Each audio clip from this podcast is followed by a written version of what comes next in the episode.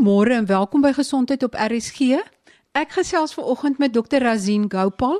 Hy het pas teruggekeer van Dakar in Senegal waar hy op 'n humanitêre missie was om 'n hele aantal jong pasiënte met hartritme defekte te behandel. Dr. Gopal, vertel vir ons hoe dit gebeur dat jy Senegal toe gegaan het en het jy gehelp om die kardioloog wat daar was op te lei om dan uiteindelik self van hierdie prosedures te kan doen. Dankie. Dit is goed om weer op die program te wees. Eh, dankie vir die uitnodiging. Ja, dit was eintlik 'n pragtige, baie inspirerende reis gewees. Uh, ek is benader deur een van ons maatskappy kollegas in terme van die moontlikheid van 'n humanitêre missie op Dakar in Senegal. Die hoofprobleem is aangebore ritmestoornisse wat uh, lewensbedreigend kan wees en ek het toe ingestem om te probeer nie net die pasiënt te help nie, maar ook reël dat die nodige vaardighede ook beskikbaar is in Senegal sodat um, hulle self hulle pasiënte dan kan hanteer. Dr Gopal, hoe lyk die fasiliteite en die omstandighede daar? Ek het op die foto's gesien dat dit maar baie basies lyk. Gee ons 'n bietjie meer insig en 'n kykie van hoe dit daar lyk en watter geriewe hulle wel het.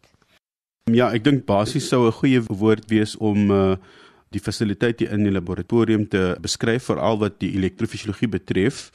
Behalwe die kateter laboratorium is daar wel 'n paar kateters om ablasies mee te doen. Dis nou kauterisasie en ook 'n paar diagnostiese kateters waarvan ons ook die hoof van die eenheid daar met um, ekstra toerusting versorg het. Maar die belangrikste ding dit is 'n baie baie basiese laboratorium. Daar is natuurlik geen nuwe tools soos beskikbaar aan ons nie vir driedimensionele mapping of krioablasie of enigiets van die soort. Alle elektrofisiologie wat daar uitgevoer word is slegs um, konvensioneel en 'n mens gebruik alleenlik dan die diagnostiese kateters en natuurlik die bestraling van die EP laboratorium. So dit is die geval in die laboratorium en ook buite in die herstelkamer sowel as ook um, in die eenhede. My my gevoel was dat dit eintlik baie basiese sorgomstandighede gewees het. As jy dit vergelyk met fasiliteite wat beskikbaar is by Tygerberg of Groteskuur, hoe sal jy dit vergelyk?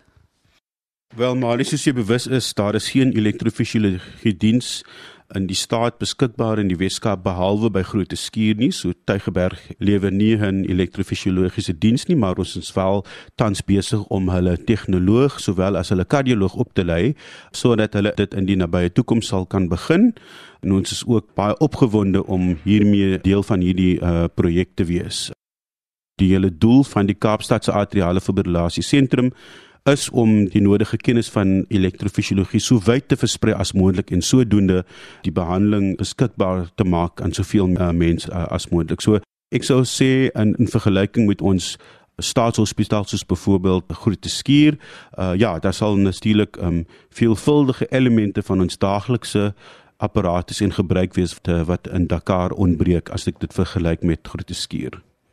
Sjoe, so is baie swakker as selfs in die staatssektor. En die dokter, die kardioloog wat saam met jou gewerk het, hoe lyk hulle gehalte van opleiding en hulle vaardighede in vergelyking met kardioloë in Suid-Afrika? Omdat ons redelik betrokke is in die opleiding wat elektrofisiologie betref, is dit nie moontlik vir my om uh, die volle perspektief te hê oor sy uh, opleiding nie.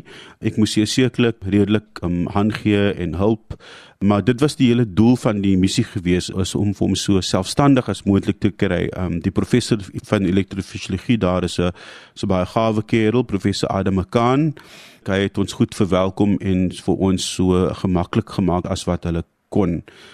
In terme van die tipe elektrofisiologie wat eintlik daar uitgevoer is, soos wat ek verstaan, is 'n baie basiese pasaangeer implanteringsfunksie, sowel as redelike basiese ablasies soos byvoorbeeld arteriale fladder ablasies wat hulle tot nou toe gedoen het. Ek dink hulle beoog om binnekort 'n nuwe um, kateter laboratorium te stig en ek is tans betrokke by 'n projek om te probeer om toerusting wat alreeds gebruik is wel aan hulle te skenk want dit is geresteriliseer en dan weer gebruik. Ons weet dat hierdie wel veilig is as dit korrek gedoen is. Ek het met professor Kaan ook dan uh, net bevestig dat van sy kateters wat hy gebruik om te probeer ablasies doen in pasiënte, die is al meer as 10 jaar oud. Um, so dit beteken dit is al vir so 'n lang periode gesteriliseer. Um, en ons is ook in die um, gelukkige posisie dat baie van die wat ons gebruik as 'n enkel gebruik toestel gebruik mag word en ek wonder net um, hoeveel duisende mense hier uit kan I'd like to know how many patients are able to also benefit from this residual or extra equipment that we are throwing away on a daily basis. Dit klink of ons eintlik in 'n baie gelukkige situasie in in Suid-Afrika is en veral in die privaat sektor. Ja nee, ongetwyfeld. Um, ons het die beste toerusting beskikbaar. Ons is ook gelukkig sekerlik in terme van ons eenheid dat ons die nodige bevoegdhede sowel as enige iets wat nuut is uh, wat die tegnologie in elektrofisiologie betrek dat ons dit uh, ook probeer inkorporeer in ons daaglikse hantering. So ek sou uh, beskou dat die Suid-Afrikaanse bevolking um, en veral die wat graag um, geleentheid kry om behandeling te kry of in die staat of in die privaat sektor dat dit eintlik iets is wat baie skaars is en dat 'n mens eintlik baie gelukkig moes voel daaroor. Dr Gopal, hoeveel pasiënte het jy op die ouende tyd gekry om binne 4 dae te behandel in hierdie baie basiese hartkateterisasie laboratorium? Eintlik dink ek dit heel waarskynlik 3 dae gewees het want uh, ons het ten minste 1 en 'n half dae tyd gebruik om die kwaliteit van die stroombaantjies en signale in die laboratorium ten minste gebruikbaar te maak en natuurlik van die toerusting uh, het benodig dat uh, jy weet van ons kollegas dit moet ondersteun of vervang omdat dit redelik oud en defektief gewees het. So dit het natuurlik baie tyd geneem om net die pasiënt gereed te kry vir die ablasie byvoorbeeld. Die pasiënt getalle wat ons gedoen het oor die 3 dae periode was omtrent 20 gevalle.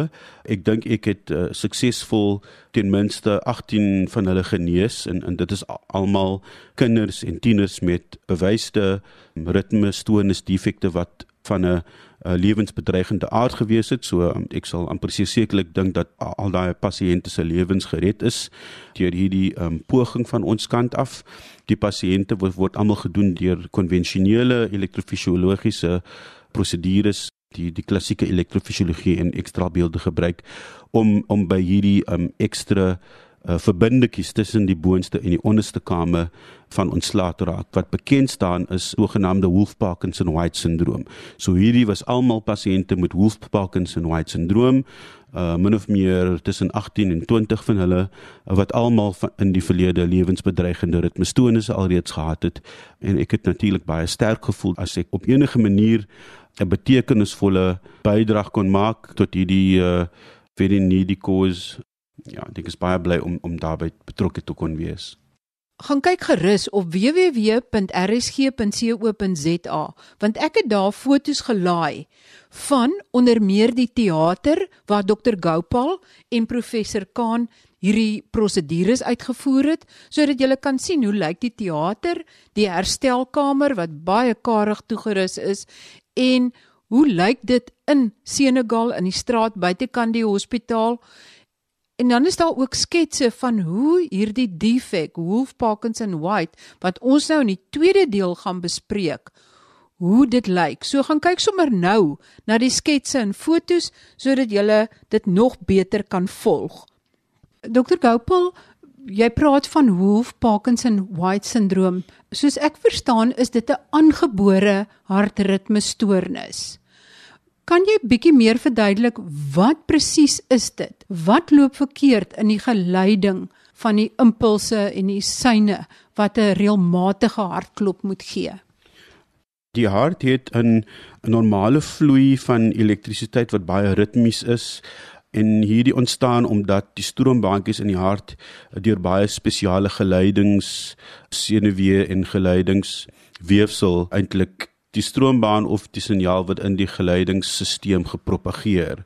Uh, wanneer hierdie geleidingsstelsel defektief begin raak of deur middel van 'n sogenaamde short circuit of 'n ekstra veseltjie, dan kan 'n mens 'n bose kringloop hê wat ontstaan en dan as gevolg kry die pasiënt hartklopping. So ter voorbeeld dan die gewone geleidingsstelsel sal die signaal vanaf die boonste na die onderste kamer gelei maar as jy 'n ekstra veseltjie het, sogenaamde bypass tract of 'n accessory pathway, kan hierdie ekstra senuweetjie dan die uh, kringloop voltooi en sodoende kan die signaal beide vanaf die boonste na die onderste kamer kom, maar dan terugkeer via hierdie ekstra veseltjie wat hiermee gebore is terug na die boonste kamer en dan is die sirkel voltooi en uh, 'n mens kry dan 'n hartklopping.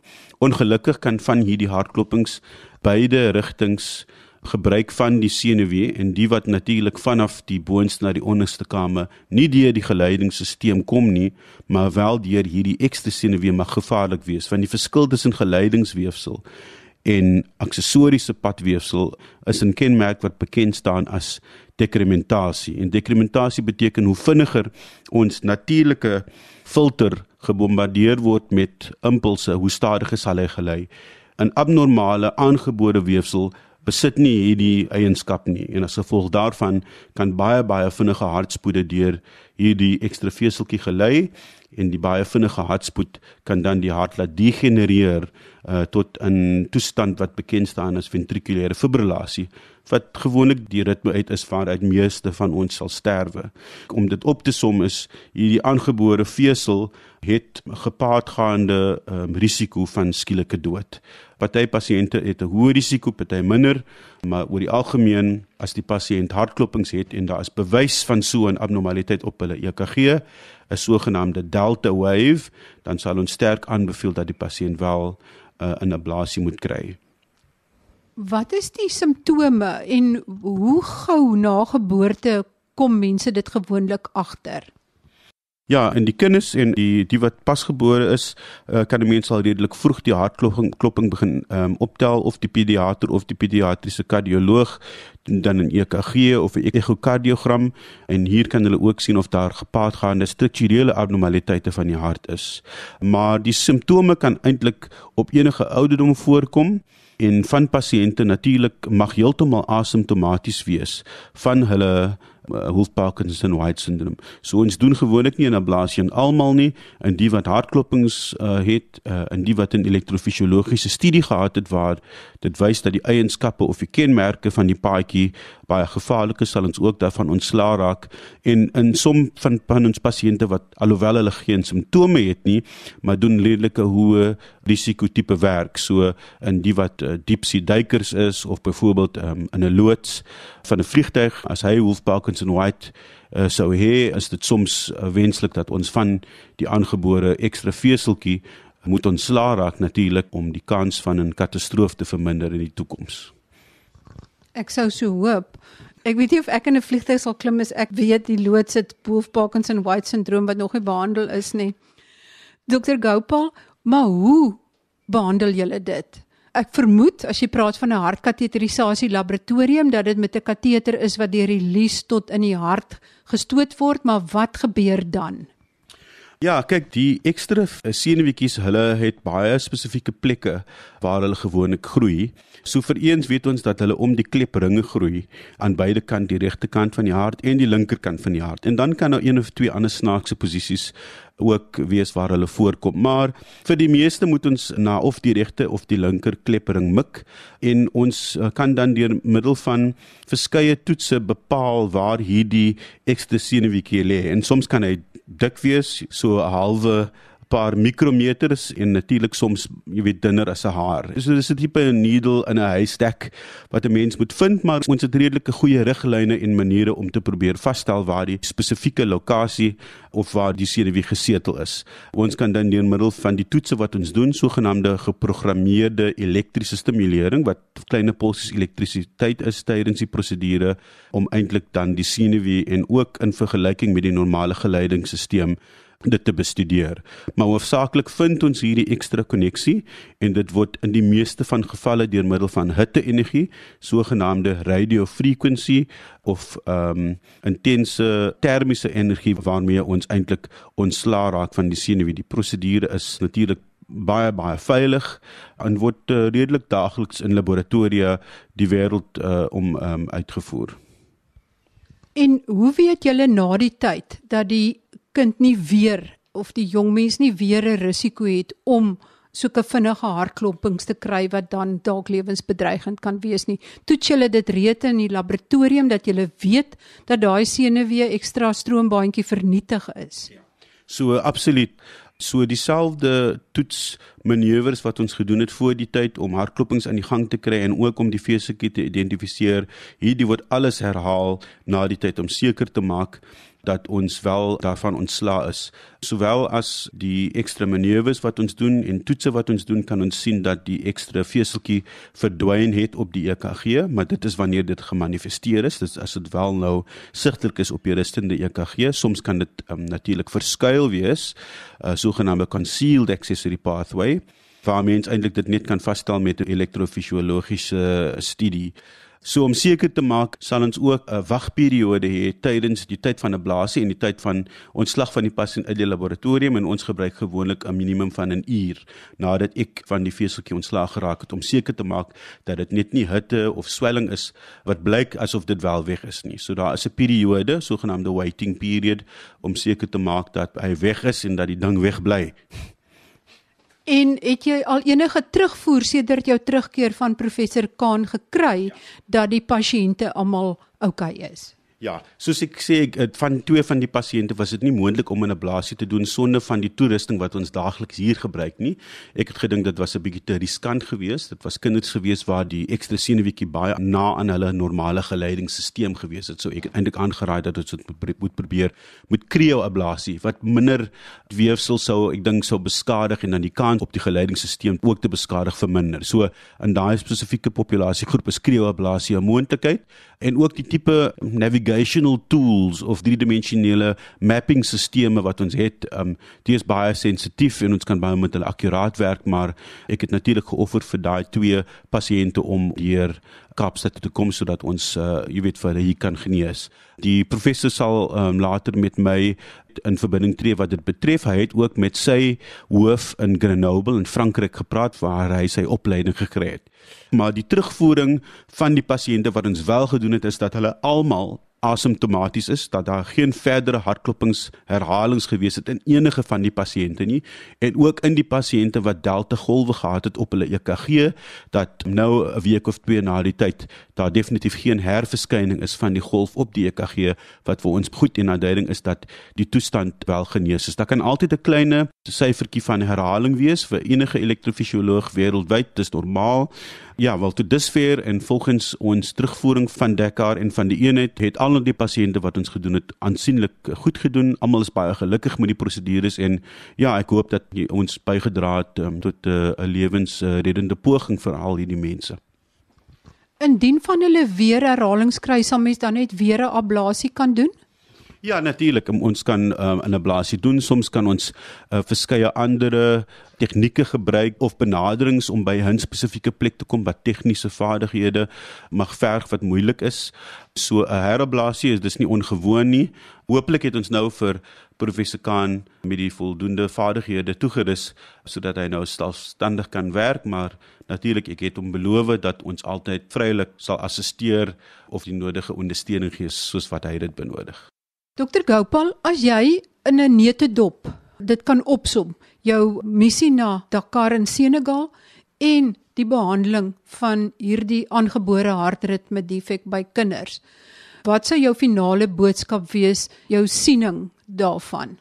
Ek dink dit is vir my uh, redelik belangrik om eersens te noem dat ons moet ehm um, waardeer wat ons het in die sin dat uh, jy weet ons is baie baie gelukkig wat die Suid-Afrikaanse konteks betref in terme van uh, elektrofisiologiese behandeling daar is 'n paar goeie um, en eenvoudige dokters die land uh, wyd wat die pasiënte mag konsulteer in terme van hulle hartritmestoornisse. So ek dink ons moet dankbaar wees vir wat ons het. Die tweede ding is dat ons nie in 'n vakuum lewe nie en dat dit ontsettend belangrik is dat hier is 'n land 'n paar ure se vlugweg waar ons kinders het wat daagliks doodgaan van natuurlik infektiewe toestande en wat sogenaamde communicable diseases maar ook byvoorbeeld pasiënte met Wolff Parkinson White en dit was 'n goeie missie in die sin dat dit suksesvol gewees het om die behandeling en natuurlik ook baie meer belangrik die genesing van hierdie 20 mense na vore kon bring. So ek ek dink dat die, die missie self in terme van wat ons oogpunt gewees het, wat ons gemik het, die doele van die missie was uiters suksesvol geweest. Ons is baie bly om te hoor dat die pasiënte almal goed doen sonder enige neeweffekte of terugslae na die ablasie nie.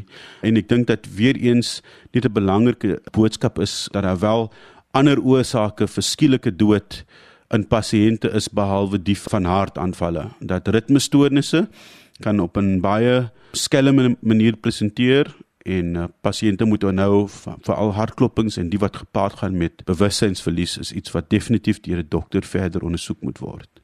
En daar is hulp. Baie dankie aan Dr. Razin Gopal, elektrofisioloog verbonde aan die Kaapstad AF sentrum wat in Medikliniek Panorama geleë is.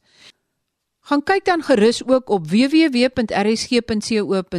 na die fotos van hoe dit by die hospitaal lyk in die teater in die straat by die hospitaal en dan ook na die sketse wat verduidelik hoe Wolff Parkinson White syndroom werk waar hier 'n ekstra stroombaan in jou hart is waar die syne dan op en af kan hardloop en wat dan tot verskriklike hartklopings kan lei wat lewensgevaarlik kan wees.